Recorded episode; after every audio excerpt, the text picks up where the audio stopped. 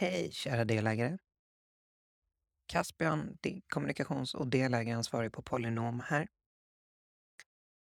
Det här är en uppläsning av vårt senaste utskick, en analys och ett erbjudande kring Radin.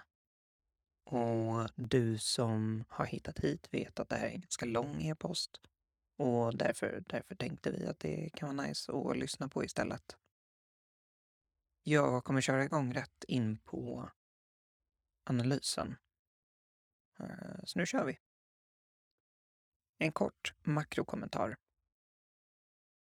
Som ni har märkt har alla börser varit deppiga de senaste veckorna. Till största del beror det på oro inför inflation och risk för krig i Ukraina. Nästan alla börsnoterade aktier har fallit och en del har fallit mer än vad man kanske kan motivera på bolagsspecifik nivå. Om det inte blir något krig i Ukraina tror vi det finns god chans att vi kan få ett litet lättnadsrally på börsen under kommande veckor där index kanske går upp 5-10 procent medan aktier som tagit mycket stryk kan gå upp betydligt mer än så. Noterat mot onoterat. Den onoterade marknaden är mycket mindre volatil, självklart på bekostnad av att investeringarna också är illikvida. Att investera i onoterade bolag ska dock inte ses som en mer stabil eller mindre riskfylld investering eftersom du i värsta fall kan bli inlåst i en onoterad aktie med svårighet att sälja klassas normalt alla onoterade aktier som högriskinvesteringar. Det sagt kan du ofta ha en mycket god värdestegringspotential i ett onoterat bolag med hög tillväxt om du kan rida med under perioden fram till en framtida börsnotering. Vi tror att Rading kan vara ett intressant case för den som vill krydda sin portfölj med ett bolag som sannolikt kommer uppvisa explosiv tillväxt under kommande år. Summering. Varför investera? Radin är igång med att industrialisera produktionsprocessen, vilket är viktigt för att kunna börja skala upp verksamheten på allvar. Det finns många konkurrenter som har en cool produkt, men det finns ännu inget bolag som byggt upp en massproduktionskapacitet. Vi tror att Radin kan bli det första bolaget som lyckas med det. Om så blir fallet kommer Radin både kunna leverera en bättre produkt än deras konkurrenter den blir dessutom billigare än konkurrenternas, vilket kraftigt kommer att öka mängden potentiella konsumenter som har råd att köpa en elsurfbräda. Detta borde i sin tur ge bra förutsättningar för kraftigt ökad försäljning under kommande år, särskilt med tanke på att Radin har ambitionen att fortsätta sänka konsumentpriset under kommande år. Om de lyckas med sina försäljningsmål kommer värdet vid en sannolik IPO under Q1 2024 troligen bli minst tre gånger högre än vad den är idag. Praktisk info. Noterat sista dag för intresseanmälan är måndag den 21 i andra klockan 12. När exakta villkor meddelas, troligen i skiftet februari-mars, kan du lämna en skarp anmälan. Länk för anmälan finner du i utskicket. Emissionen genomförs sannolikt under april, men vi har förhandlat, förhandlat oss till möjligheten att betala vår eventuella del lite senare, sannolikt under maj eller juni. Denna runda är bara öppen för nya kapitalstarka investerare där minsta post sannolikt kommer landa runt minst 75 miljoner kronor. För att kunna nå detta målet bildar vi en ny SPV. Minsta investering i denna SPV blir sannolikt 200 000 kronor då vi måste kunna nå minst 75 miljoner kronor och max 198 platser. Om det blir många som ansöker om större belopp, plus en miljon kronor, är det möjligt att vi kanske får råd att reducera den minsta posten något till kanske 150 eller 160 000 kronor. Det kan vara en idé att investera gemensamt med din partner för att lättare nå ett högre belopp. Vår SPV för Radin kommer ha samma uppläggs och villkor som de fyra, senaste fyra vi har satt upp. Det innebär kortfattat 80-20 vinstdelning vid exit, troligen en IPO. Investeraren behåller minst 80 procent av den sannolika vinsten. Resterande 20 delas mellan Polynom Investment, det vill säga ökar värdet på Polynom, vilket alla delägare i Polynom har glädje av, och Polynoms framtida stiftelse som lanseras senare i år. Polynom och Niklas Danalid investerade i Radin sommaren 2020 och fyllde på investeringen i en runda före sommaren 2021. Båda har för avsikt att köpa fler aktier i kommande emission. Med vänlig hälsning Team Polynom. Ansvarsbegränsning och villkor. Informationen ska under inga förhållanden användas eller betraktas som individuell rådgivning. Informationen är baserad på källor, uppgifter och expertis som Polynom bedömer vara tillförlitlig. Polynom kan dock aldrig garantera riktigheten i informationen och informationen kan vara ofullständig eller nedkortad. Framåtblickande analyser med mera baseras på subjektiva bedömningar om framtiden vilka alltid innehåller osäkerhet och bör användas med försiktighet. Informationen är uteslutande avsedd för Polynoms delägare i Sverige. Syftet är att ge allmän information till Polynoms alla delägare. Informationen ska under inga omständigheter anses utgöra en personlig investeringsråd eller personlig rekommendation och det finns inget uppdragsförhållande mellan Polynom och mottagarens gällande finansiell rådgivning eller liknande. För undvikande av tvivel noteras att lag 2003 kolon 862 om finansiell rådgivning till konsumenter eller annan liknande lagstiftning alltså inte äger tillämpning på information i detta mejl. Åsikter och analyser framförs i nyhetsbreven, är personliga och informationen ska inte ensamt utgöra underlag för investeringsbeslut. Du som delägare bör inhämta råd från andra rådgivare och basera sina investeringsbeslut utifrån egen erfarenhet. Polynom påminner läsaren om att handel med värdepapper är förknippad med risker. En investering kan exempelvis såväl öka som minska i värde och det är inte säkert att du får tillbaka hela det investerade kapitalet. Historisk avkastning är inte heller någon garanti för framtida avkastning. Eftersom man inte kan släppa in investerare utanför Polynom uppskattar vi att du inte skickar denna information vidare. Polynom frånsäger sig härmed ansvar för eventuell förlust eller skada av vad slag det må vara som grundar sig på genomförande av investeringar baserade på detta utskicket. Och här börjar själva analysen. Bakgrund och historik. Det svenska bolaget Radin, som står för Radical Innovation, grundades i Malmö år 2012 av Filip Werner och Alexander Lind. Bolaget startade som ett sidoprojekt under studietiden vid Lunds universitet där båda grundarna fann varandra och delade en gemensam vision. Att förändra extremsportindustrin på vatten med en ny och mer miljövänlig teknik. Idag är Radin ett bolag med cirka 50 heltidsanställda och ett dussintal konsulter som erbjuder eldrivna jetboards på en snabbt växande och globala e-mobilitetsmarknaden på vatten. Den första prototypen utvecklades och lanserades under 2012 och 2013 och därefter har bolaget lanserat tre efterföljande generationer där den femte generationen, G5, planerar, planeras att lanseras under det fjärde kvartalet 2022. Radin står nu redo inför en uppskalning av verksamheten. Bolaget avser bland annat att industrialisera produktions och inköpsprocessen, vilket kraftigt kommer sänka material och produktionskostnaden och därigenom möjliggöra både lägre pris för slutkonsumenten och högre vinstmarginal. Dessutom förväntas även geografisk expansion med nya lager fulfillment centers i USA och Kina samt lansering av den tidigare nämnda G5-brädan.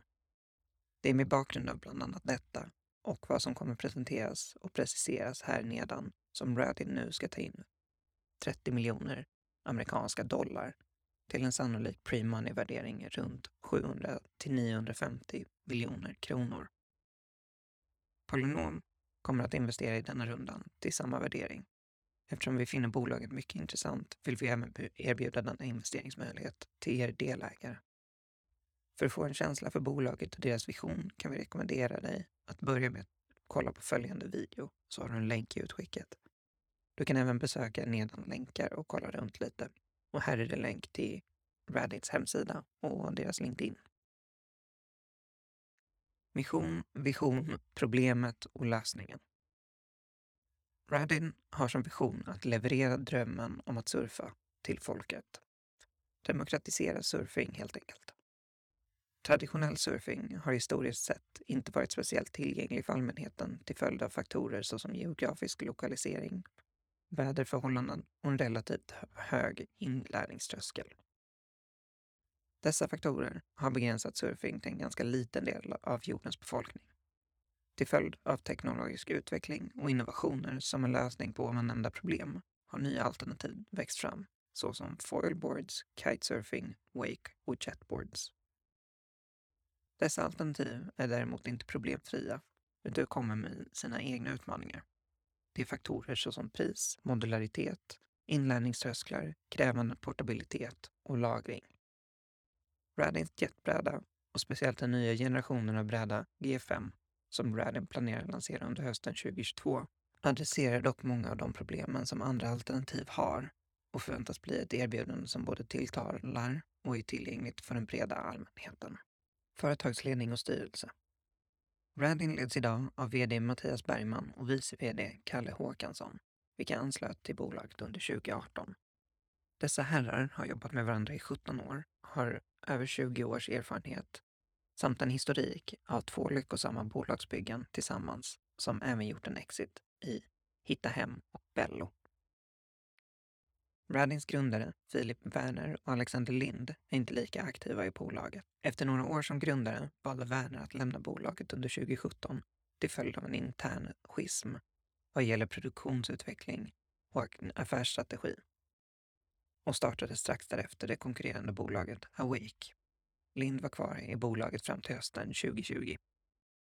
Utöver Bergman och Håkansson har Radin ett företagsledning med ytterligare nio personer. Respektive ledningsperson har 15 plus års erfarenhet och har jobbat på företag som Ericsson, IF, Ikea, Sony, DSV, Imperial och Mercedes. Sammantaget har Radin alltså en välmeriterad företagsledning med erfarenhet av att jobba på uppskalade globala företag. Detta, vilket tillför ett brett kontaktnätverk, värdefulla erfarenheter och know-how, är något vi tror gynnat och fortsatt kommer gynna Radins globala satsning. Sannolikheten för ett lyckosamt utfall är alltså betydligt högre än om denna gedigna expertis inte hade varit på plats i bolaget.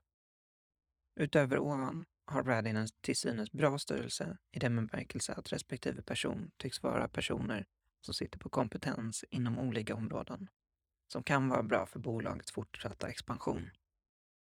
Ett för flera av er välkänt namn är bolagets styrelseordförande, Jens Ismunden. Han sitter även i styrelsen hos Lunar. Jens har alltså stor kompetens och nätverk inom finansbranschen, vilket underlättar när Radin ska göra större kapitalanskaffningar och på sikt även lansera olika finansieringslösningar för konsumenter och återförsäljare. Marknad. Den totala adresserbara marknaden för Radin är något svårestimerad. Exempelvis rapporterades den traditionella surfbrädmarknaden vara värd runt 4 miljarder dollar och marknaden för kitesurfing estimeras vara värd runt 1,5 miljarder dollar. Personal Watercraft-marknaden, vilket inkluderar jetskis och mindre motorbåtar, anses vara värd cirka 1,5 miljarder dollar.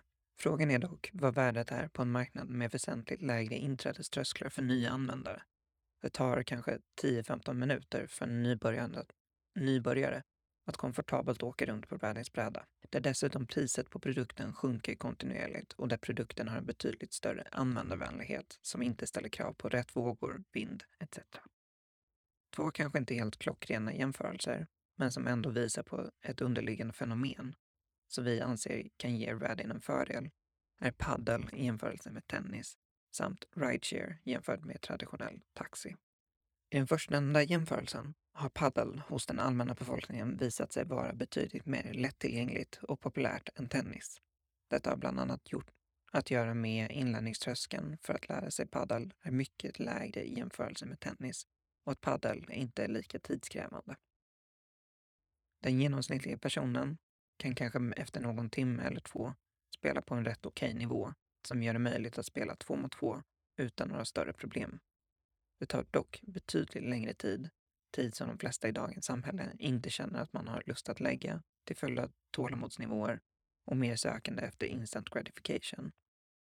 Att lära sig spela tennis på samma nivå som man snabbt kan nå inom paddel. Paddel är dessutom från, från ett kommersiellt perspektiv mer yteffektivt. Att därför säga att teoretiska marknaden, marknaden för paddel skulle vara ungefär lika stor för som tennis är därför antagligen ett felaktigt antagande. En parallell vi anser du även kan göra till jetboards och traditionell surfing. Den andra nämnda jämförelsen har att göra med facit i hand ganska grovt felaktigt analys av hur stor den adresserbara marknaden var för bolaget Uber. En analys av, och som respons på, den senare, senare felaktigt nämnda analysen skrev Bill Gurley om varför och hur Uber erbjuder något helt annat än traditionell taxi gör och varför värdet på den totala marknaden för Uber till följd av detta är mycket större än för taxi. Täckningstäthet, väntetid, betalning och användandet av Uber på platser där det inte är logiskt att taxis placerade. Pris, tillgänglighet, vem som helst kan bli chaufför med mera var exempel på faktorer som talade för att Uber var något helt annat än vanlig taxi. Den globala taximarknaden estimerades vid detta tillfälle vara värd 100 miljarder dollar. I början på 2021 hade Uber ett marknadsvärde på samma siffra. Rättare detta sagt vill vi säga att vi tror på att Radins Jetboards kommer ha god potential att expandera den adresserbara marknaden genom att pris för en bräda successivt går ner samtidigt som användarvänligheten och kvaliteten fortsatt är hög och ser stigande högre. Vad kan värdet tänkas vara när bara alla insjöar där Radins jetboard kan användas och en vanlig surfbräda eller jetski för den delen inte funkar? Svårt att estimera, men inte en alltför oansenlig siffra och sannolikt rätt mycket större än den traditionella surfbrädemarknaden. Om vi tittar bara på USA finns det cirka 2500 jetski återförsäljare och då ligger ju majoriteten nära havet. Eldrivna brädor lämpar sig extra bra till sjöar. Under 2021 stod USA för 80 procent av den globala Personal Watercraft, PVC-marknaden där jetskis är den klart största kategorin. Om man lägger till surfshops och båtuthyrning kan man snabbt förstå potentialen. Radins elbräda är hyfsat miljövänlig och nästan ljudlös, vilket innebär att den kan användas överallt där det finns vatten. Här kan det vara intressant att jämföra med vattenskotrar. Trots att de är stora, högljudda och tunga måste dras med trailer bakom en bil. Säljs det 130 000 stycken om året med priser som startar på 100 000 kronor. Ni kan själv föreställa er den globala marknaden om säg fem år för en elbräda som då kanske kostar 40 till 50 000 kronor. Kan bäras under armen och andas, användas överallt där det finns vatten utan att störa medmänniskor eller natur på samma sätt som en vattenskoter gör. Elbrädan har inte heller samma höga inlärningströskel eller ett väderberoende som gäller för vågsurfing, vindsurfing och kitesurfing. Vi gissar därför att den totala marknaden för elbrädor inom tio år borde vara betydligt större än marknaden för de alternativ som är dominerande idag. Vidare tror vi att Radin har goda förutsättningar att kunna erövra och fortsätta vara en bra bit av denna marknad. Produkt, teknik, IP och affärsmodell.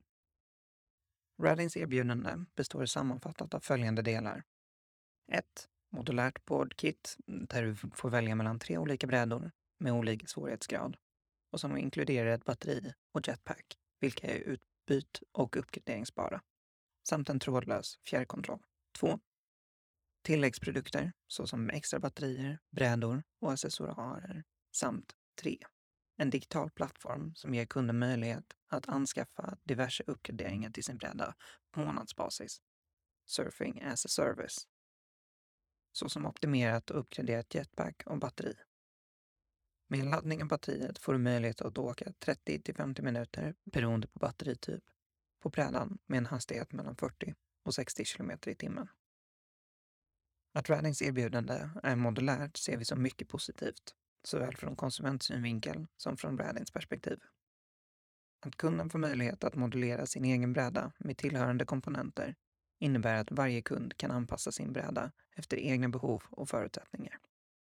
Från Radings perspektiv behöver bolaget till följd av denna strategi inte ta fram massvis med olika kompletta enheter för att fylla olika konsumentbehov något som annars skulle vara kostsamt för bolaget att utveckla och lagerföra. Med risk för att uttrycka sig något tekniskt innebär alltså Arvadins strategi att antalet lagerhållningsenheter, SKUer, kan hållas ganska lågt samtidigt som antal produktkombinationer som är möjliga är förhållandevis höga. Radin förväntar sig att kunna erbjuda 72 produktkombinationer med enbart 14 olika SKUer, något som medför lägre nivåer av kapitalbindning i rörelsekapital samt förenklar tillvaron för samarbetspartners. Bradding ska lansera sin femte generation surfbräda G5 under Q4 2022, vilken förväntas erbjudas till betydligt lägre konsumentpris i jämförelse med tidigare brädor, inklusive konkurrenters brädor. Priset förväntas ligga runt 7 000 dollar, ungefär 65 000 svenska kronor.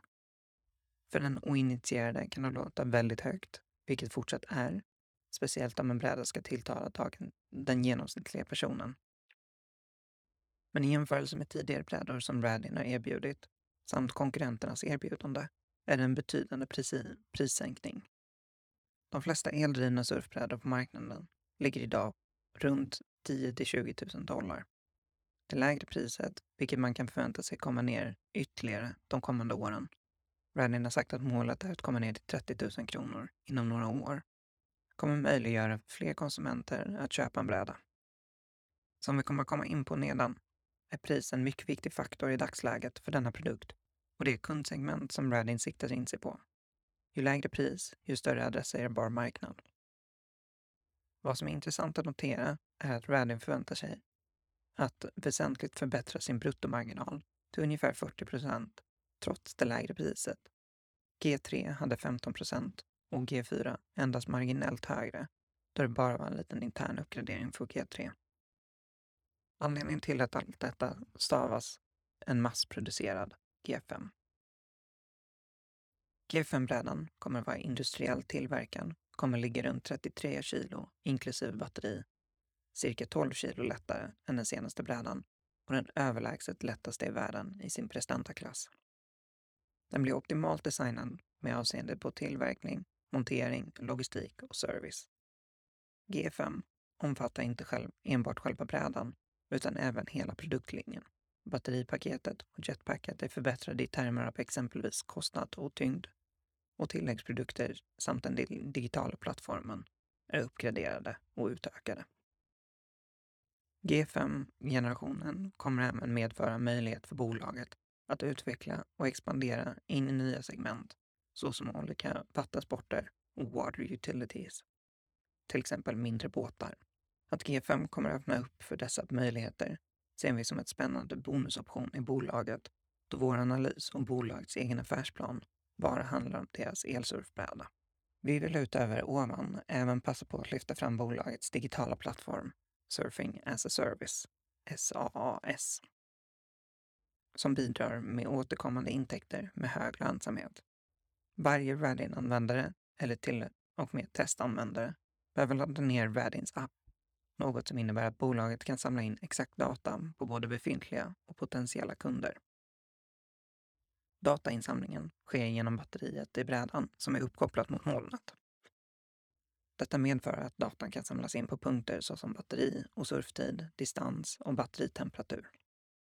Användare av en Bradin-bräda kan även uppgradera sin bräda genom appen vad gäller exempelvis hastighet och surftid, vilket medför ytterligare ett intäktsben men utan rörliga kostnader för bolaget. Testanvändare kommer få erbjudande att köpa bräda direkt efter sin testkörning. Som en del i SAS planerar Radin att under 2023 rulla ut Radin Surf Club, RSC, en digital medlemskapsplattform.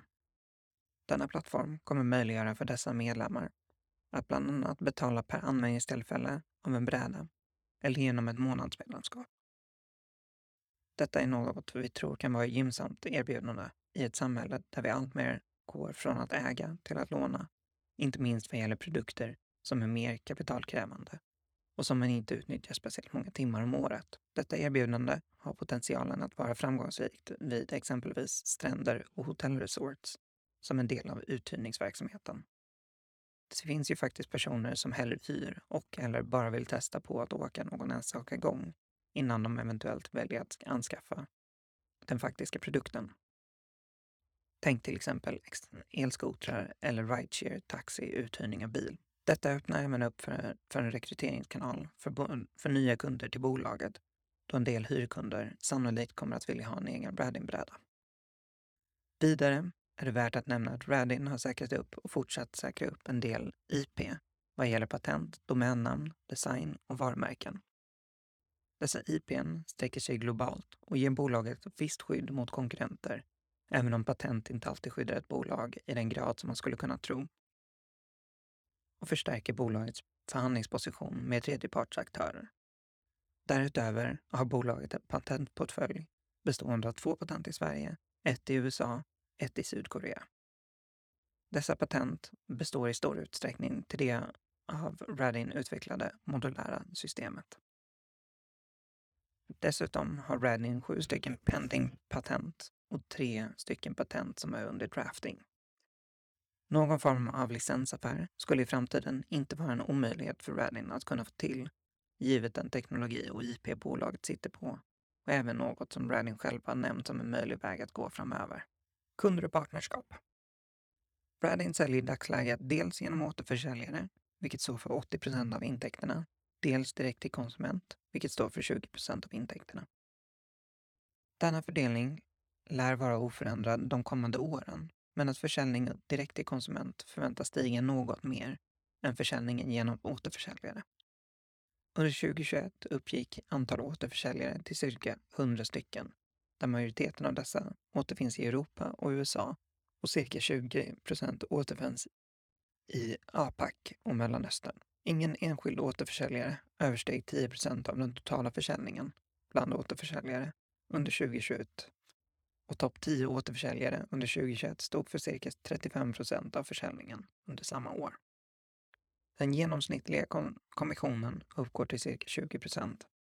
Vad gäller försäljning direkt till konsument, som naturligen medför högre marginaler, är detta ett enligt oss bra komplement till försäljningen genom återförsäljare. Framöver är det inte osannolikt att karaktären av distributörer förändras.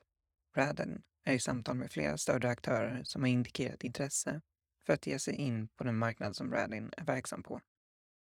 Skulle någon av dessa aktörer välja att distribuera Radins brädor är detta förmodligen ett lättare sätt att få upp volym och skala sin försäljning än att gå igenom mindre distributörer. I dagsläget överstiger efterfrågan utbudet på Radins produkter. Under 2021 levererade Radin cirka 1100 brädor och hade utbuds och tillgångsproblemen som präglat omvärlden och likaså Radin uteblivit, då det denna siffra har varit mycket, bra mycket högre. Det är också värt att nämna att många återförsäljare väljer att lägga små orders till en början för att sedan skala upp och slash ner inköpen beroende på produktens försäljning. Detta är fenomen vi tror kommer leda till större orders från återförsäljare framöver då många har sett en stor efterfrågan på Radins produkter. Radin har utöver en aktiv marknadsföringsstrategi som innefattar sociala medier, märkesambassadörer, diverse events och partnerskap och har sett en stor ökning i antal försäljare i diverse kanaler under det senaste året. Detta tror vi är en viktig del i att skapa engagemang och allmän attraktion för bolagets produkter för att på så sätt också stimulera efterfrågan och vara top of mind hos potentiella konsumenter. För att kunna vara tillgänglig och kunna leverera världen över har Radin ett samarbete med Modus Link. Genom detta samarbete etablerar Radin en global tredjepartslager, 3PL, och distributionsnätverk där lokala 3PL planeras i USA och Kina under 2022. Genom dessa 3PL, vilka då kommer ligga strategiskt nära slutkonsumenten, är det möjligt för Radin att hålla ledtider och rörelsekapital nere, något som är en win-win för både konsument och Radin. I dagsläget kan Radin leverera sina produkter till cirka 87 länder. Radins organisation är uppsatt på följande sätt. Huvudkontoret är beläget i Malmö, där bland annat design, sälj och marknadsföring och R&D sker. Tillverkningsfabrik i Polen och 3PL i Nederländerna. Ett lokalt säljteam finns i USA där även tillverkningsfabrik utöver 3PL och distribution genom Modus Link planeras, sannolikt nära 3PL. Detta möjliggör för snabb och effektiv leverans till slutkonsument. Det är värt att nämna att Modus Link från ett strikt finansiellt perspektiv är en av bolagets viktigaste leverantörer och tillsammans med Sixpack Technologies Limited som tillförser Radin med laddare och batterier, en leverantör som dock sannolikt kommer att kompletteras med en aktör från Europa. Men genom sitt nätverk av olika leverantörer, vilket omfattar bland annat batteri och brädproduktion, diverse mindre komponenter samt hopsättning av slutprodukten, har Radin säkrat den långsiktiga kapaciteten om ungefär 50 000 årliga enheter. Radin håller i detta nu på att konsolidera sin leverantörsbas och går nu in istället mot färre, men mer solida partnerskap med högkvalitativa leverantörer. För att den, i en mening försöka fånga vad Radin försöker uppnå försöker bolaget industrialisera och effektivisera produktion och egentligen hela utbudssidan. Fokus på maskinen som bygger maskinen, som bolaget själva ofta uttrycker det, och på så sätt möjliggöra uppskalning av volymen enheter som är möjliga att kunna leverera till slutkonsumenter. I relation till ovan eh, är det även värt att, väl värt att Bradin har utvecklat ett eget så kallat Battery Management System, PMS, samt Electronic Speed Control, ESC. Detta är egna framgång, framtagna krets och mönsterkort som möjliggör industriell produktion som annars är vanligt att man outsourcar till tredje part. Det faktum att Radin tagit på sig att göra detta, vilket är en tidskrävande ansträngning, innebär att beroendet av tredjeparter minskar och att produktionen lättare kan skalas upp. Den utvecklade BMSen är enligt bolaget en riktig game changer och möjliggör bland annat optimering, mon monitorering, skydd och så vidare för batteriet och således brädans prestanda. När du kopplar samman detta med bolagets egen digitala plattform får du hårdvara som driver mjukvara och mjukvara som driver hårdvara i en ständig feedback loop som förbättrar både bolagets fysiska produkt och deras digitala plattform. Konkurrens. En viktig punkt enligt oss att beröra i detta case är konkurrens. Radin har sagt att deras två största konkurrenter är Onion på grund av lågt pris och Awake på grund av hög kvalitet. Söker du runt på bästa jetboards och dylikt finner du ofta Awake i toppen. Onion, menar Radin, har dock vissa problem vad gäller sin jet och motorn låter ganska högt, till skillnad från Radins som i princip är ljudlös. Awake, som grundades och drivs av en av grundarna till Radin, nischar in sig på mer avancerade utövare, har mer av en premiumfokus och har en förhållandevis låg produktion, samt ett förhållandevis högt pris för sin bräda. Redan idag är Radins brädor ungefär 20-30 billigare än de flesta av deras konkurrenter. Detta är en del av förklaringen till att de uppskattar att de hade mer än halva världsmarknaden under 2021. Med G5 är vår analys att Redding kommer kunna erbjuda en ännu bättre bräda till ett lägre prislapp i relation till deras konkurrenter. Detta är något som är fördelaktigt om man vill försöka fånga den breda folkmassan, även om priset behöver komma ner ytterligare de kommande åren för att fånga en bredare folkmassa. Vidare framhäver Radin att flera av dess konkurrenter har brister i den mjukvara och att ingen av konkurrenterna är lika långt framme i industrialiseringsprocessen som Radin är. Ingen av konkurrenterna har ännu levererat över 5000 brädor under ett år och Radin, som vi går in på nedan, planerar att redan nästa år leverera 7500 brädor. Det är också värt att nämna att Radin har ett övertag mot sina konkurrenter genom sin utveckling av eget IP, så, såsom BMS och ESC. Det här är faktorer som enligt oss talar för Radins framgång i sin uppskalning av verksamheten. Vad som dock också behöver lyftas är potentiell konkurrens som kan uppstå ifall nya, men redan befintliga, större aktörer kommer in på marknaden. Tänk till exempel Yamaha. Och eller om priset, värdet av substitut, lockar till sig en större del av Radins målgrupp. Detta är en av de större riskerna i bolaget. Så som vi ser det tar de inte speciellt svårt att tänka sig att en av de stora aktörerna inom till exempel motorbåtar skulle vara intresserad av att ge sig in på marknaden. Samtidigt skulle man kunna argumentera att om en större spelare vill etablera sig är det mer sannolikt att man förvärvar en befintlig aktör med värdefulla IPn än att börja från scratch. Vi ser denna möjlighet som en mildare faktor till den annars upplevda risken för detta bolag. Dåtid, nutid och framtid. Som i sammanfattningen påpekades har problemet för Värdin under de senaste året inte handlat om efterfrågan utan snarare om tillgång. Under 2021 skeppade bolaget iväg cirka 1100 brädor till sina kunder. Och hade det inte varit för de logistik och tillgångsproblem som covid-19 medfört samt krisen i Suezkanalen hade denna siffra varit högre.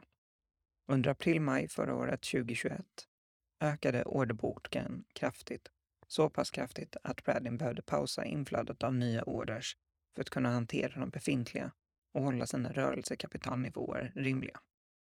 Sedan dess har läget förbättrats och Radnin har själva uppnått vissa effektiviteter i produktionen, vilket har inneburit att Radnin har kunnat beta av och fått ner orderboken till en mer rimlig nivå. En intressant iakttagelse vi har gjort, som bolaget själva också framfört, är att den genomsnittliga intäkten per shipped order ökat under året som gått. Varför är detta intressant? Jo, delvis visar det på att efterfrågan för modulära komponenter och fördelen med att ha ett modulärt system. Dels visar det också på värdet av att ha ett Razer, en Razorblade-modell. En affärsmodell där själva grundprodukten säljs relativt billigt där den stora intjäningen ligger i att sälja kompletterande varor. Tänk exempelvis rakhyvlar och rakblad. Radins långsiktiga mål är att göra sin bräda till en massmarknadsprodukt. I år, 2022, räknar bolaget med att sälja runt 2500 brädor, vilket är ungefär vad de kan tillverka just nu på grund av tidigare störningar i supply chain till följd av pandemin. Under 2023 siktar bolaget på att tredubbla försäljningen till 7500 brädor men omsättningen dubblas bara då de sänker priset samtidigt på den nya G5. 2024 är året då de förväntar sig komma upp i en ansenlig siffra ordrar med ännu en tredubbling. Låter det optimistiskt? Kanske, men vi bedömer att prognosen är fullt realistisk då produkten har ett mycket större användningsområde och målgrupp än många av de vattenleksaker som dominerar idag. Till exempel vågsurfing, vindsurfing, vattenskotrar och dylikt. Det kan också vara värt att beakta att det globalt finns cirka 200 miljoner konsumenter som regelbundet tycker det är kul att åka på något av följande betydligt vanligare brädor.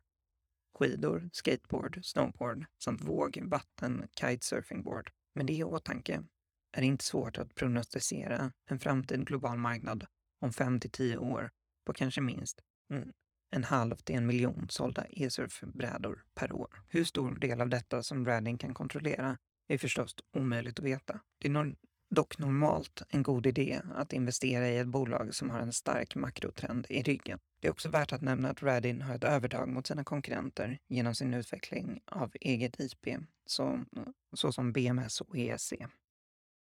Det här är faktorer som enligt oss talar för Radins framgång i sin uppskalning av verksamheten. Vad som dock också behöver lyftas är potentiell konkurrens som kan uppstå ifall nya men redan befintliga större aktörer kommer in på marknaden. Tänk till exempel Yamaha och eller om priset, värdet av substitut lockar till sig en större del av Radins målgrupp. Detta är en av de större riskerna i bolaget. Så som vi ser det tar de inte speciellt svårt att tänka sig att en av de stora aktörerna inom till exempel motorbåtar skulle vara intresserad av att ge sig in på marknaden. Samtidigt skulle man kunna argumentera att om en större spelare vill etablera sig är det mer sannolikt att man förvärvar en befintlig aktör med värdefulla IPn än att börja från scratch. Vi ser denna möjlighet som en mildare faktor till den annars upplevda risken för detta bolag. Under de två senaste åren som har gått har bolaget haft nedtryckta marginaler till följd av bland annat högre fraktkostnader och höga priser på insatsvaror. I takt med en normalisering av affärsmiljön och lansering av G5 förväntas förädlingskostnader kostnader för sålda varor bli lägre. G5 är designad för massproduktion med färre och billigare komponenter samt snabbare ihopsättning och digitala intäkter förväntas stiga med cirka 100% bruttomarginal och stå för en större del av de totala intäkterna än tidigare. Cirka 12,5 till 15 procent. Därutöver kommer fraktkostnader ut till kund från och med januari 2022 skjutas över till konsumentledet, något som kommer reducera MyRadins kostnad för sålda varor. Det är också värt att nämna att bolagets distributionsavtal genom 3PL medför volymrabatter och dylikt, vilket också kommer innebära lägre kostnader vid större volym. Detta förväntas bidra till ett marginallyft under kommande år. Under 2020 var bruttomarginalen negativ, läs pandemi och distribution, distribution av försörjningskedjor. Och 2024 förväntas den nå en nivå om cirka 40 procent. I dagsläget uppgår Bill of Material Costs och den största kostnadskomponenten i kostnad för sålda varor till lite drygt 4 500 dollar per bräda. Det ovan nämnda förväntas sänka denna siffra till cirka 3 000 dollar per bräda. I takt med att Radin skalar upp ökad bruttomarginal samt optionell operationell hävstång i affärsmodellen förväntas även vinsten innan räntor, skatt och avskrivningar, ebitda, ebitda öka. De operationella kostnaderna kommer drivas av framförallt marknadsföring för att på så sätt etablera varumärket. Antal heltidsanställda förväntas gå från dagens cirka 50 till cirka 140 under 2025. Ändock förväntas de operationella kostnaderna sjunka kraftigt i relation till bolagets intäkter.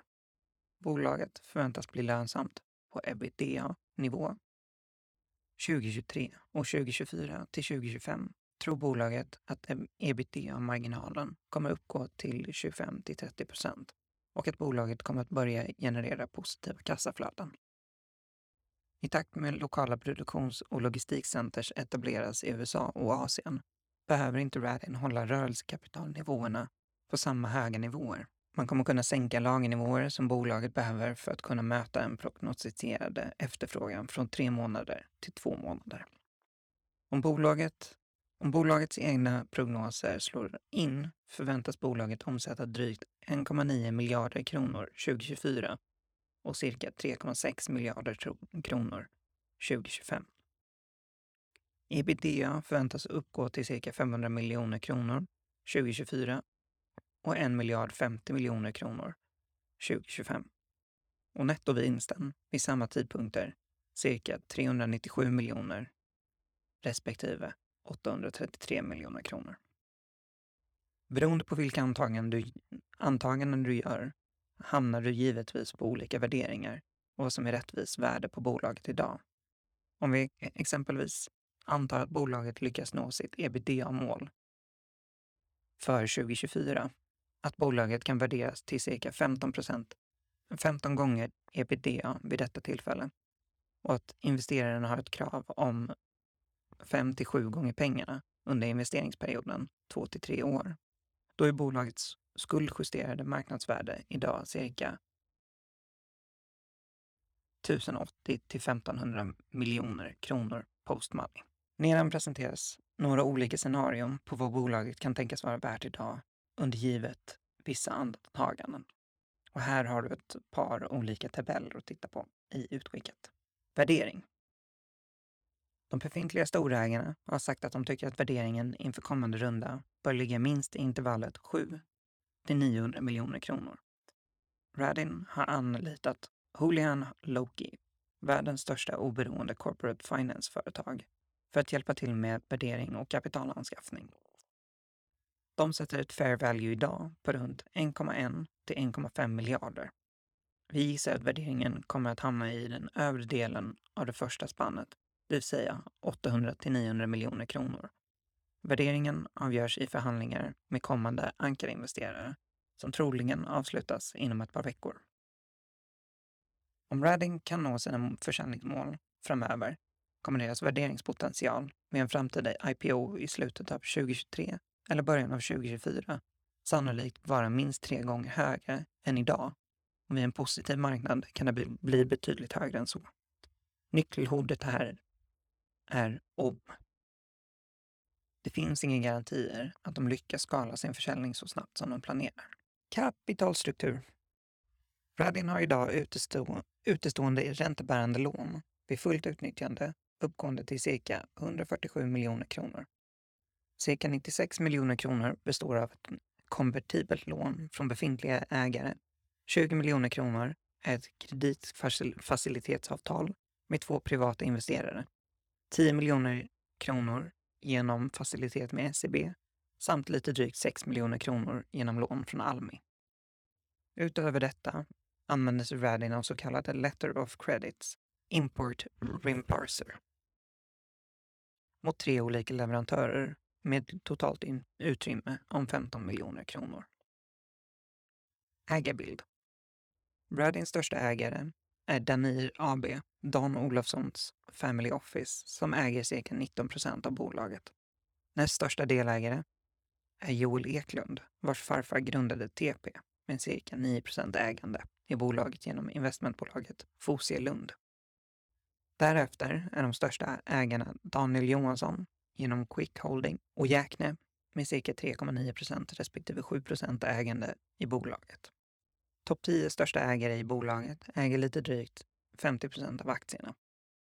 Bolaget har ett incitamentsprogram implementerat och ett annat som just nu ligger på bordet, vilket vid fullt utnyttjande kommer medföra en utspädning om max 10 procent. Erbjudande och användande av kapital. Radin vill ta in 30 miljoner US-dollar för att kapitalisera på sin tillväxtresa. Pengarna kommer främst att användas till marknadsföring och säljaktiviteter för att behålla en ledande position i segmentet jetboards samt för att skapa en brandhype. Bygga inventory för att säkra en bättre bruttomarginalnivå samt korta ledtider till konsument. Slutföra utvecklingen av generation 5-brädan.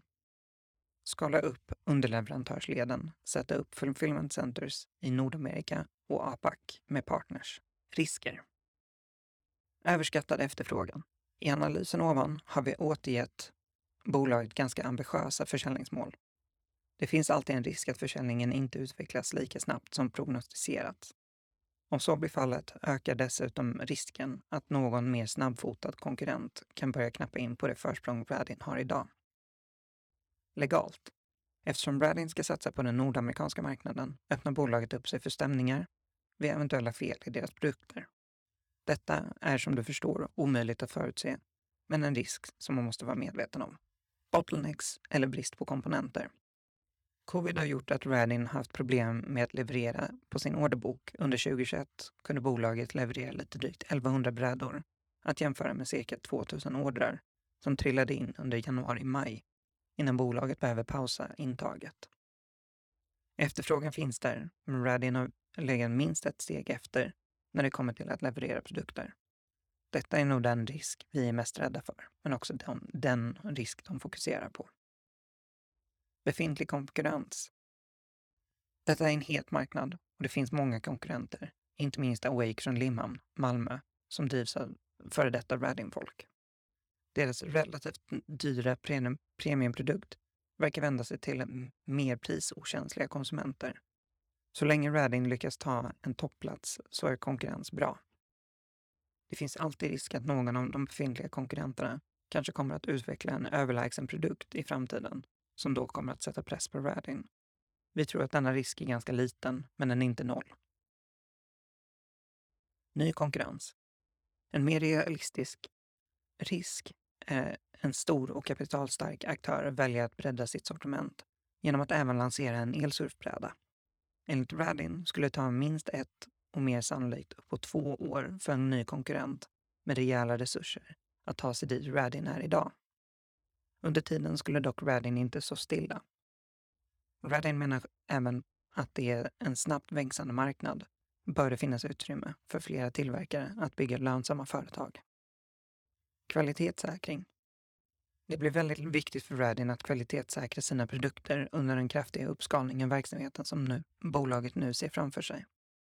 Brister i kvalitet skulle kunna medföra stora mängder returer och skada varumärket och således är det centralt för bolaget att upprätthålla kvaliteten i det man levererar ut mot kund.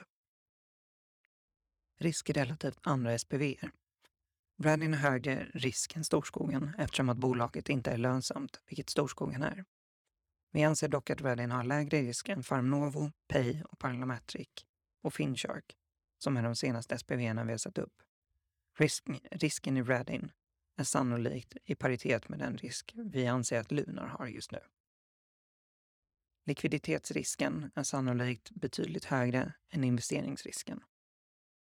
Givet hur många starka fördelar Reddin har är det just nu nästan svårt att föreställa sig ett scenario i en normal marknad där Radin skulle vara värt mindre om två år än det är idag. Därmed anser vi att investeringsrisken, eller risken att förlora pengar på investeringen, är ganska låg. Den är dock inte noll. Skulle vi till exempel få en extrem och utdragen börskrasch kan vad som helst hända. Likviditetsrisken är dock hög eftersom detta är en onoterad investering fram till en framtida IPO eller industriell exit. Det innebär att du inte kan sälja dina aktier när du vill, vilket generellt anses vara en stor nackdel och riskfaktor. Slutsats. Vi har följt Radin ganska nära under två år och tycker nu att de har lagt en stark grund för att kunna öka både tillverkning och försäljning rejält med start i år. En klar bonus är att Radin är klar marknadsledare av alla kända tillverkare. Vi skulle nog nästan vilja påstå att det snart antagligen kommer få samma roll som Tesla inom personbilar, det vill säga en duktig pionjär som har byggt en avancerad plattform för att kunna massproducera produkter effektivt med god lönsamhet till en marknad som efterfrågar dem. Likt Tesla tror vi att det kommer finnas många befintliga och nya konkurrenter som sen kommer försöka komma ikapp när de inser att marknaden växer snabbt. Radin kan vara värd, värd en investering om du kan undvara så pass mycket kapital som 200 000 kronor under gissningsvis 18 till 24 månader. Om bolaget når sina mål bör det finnas en god potential att minst tredubbla investeringen fram till IPO. Investeringen är dock inte riskfri, varpå man inte bör investera pengar som man inte har råd att förlora. Lycka till med ditt beslut.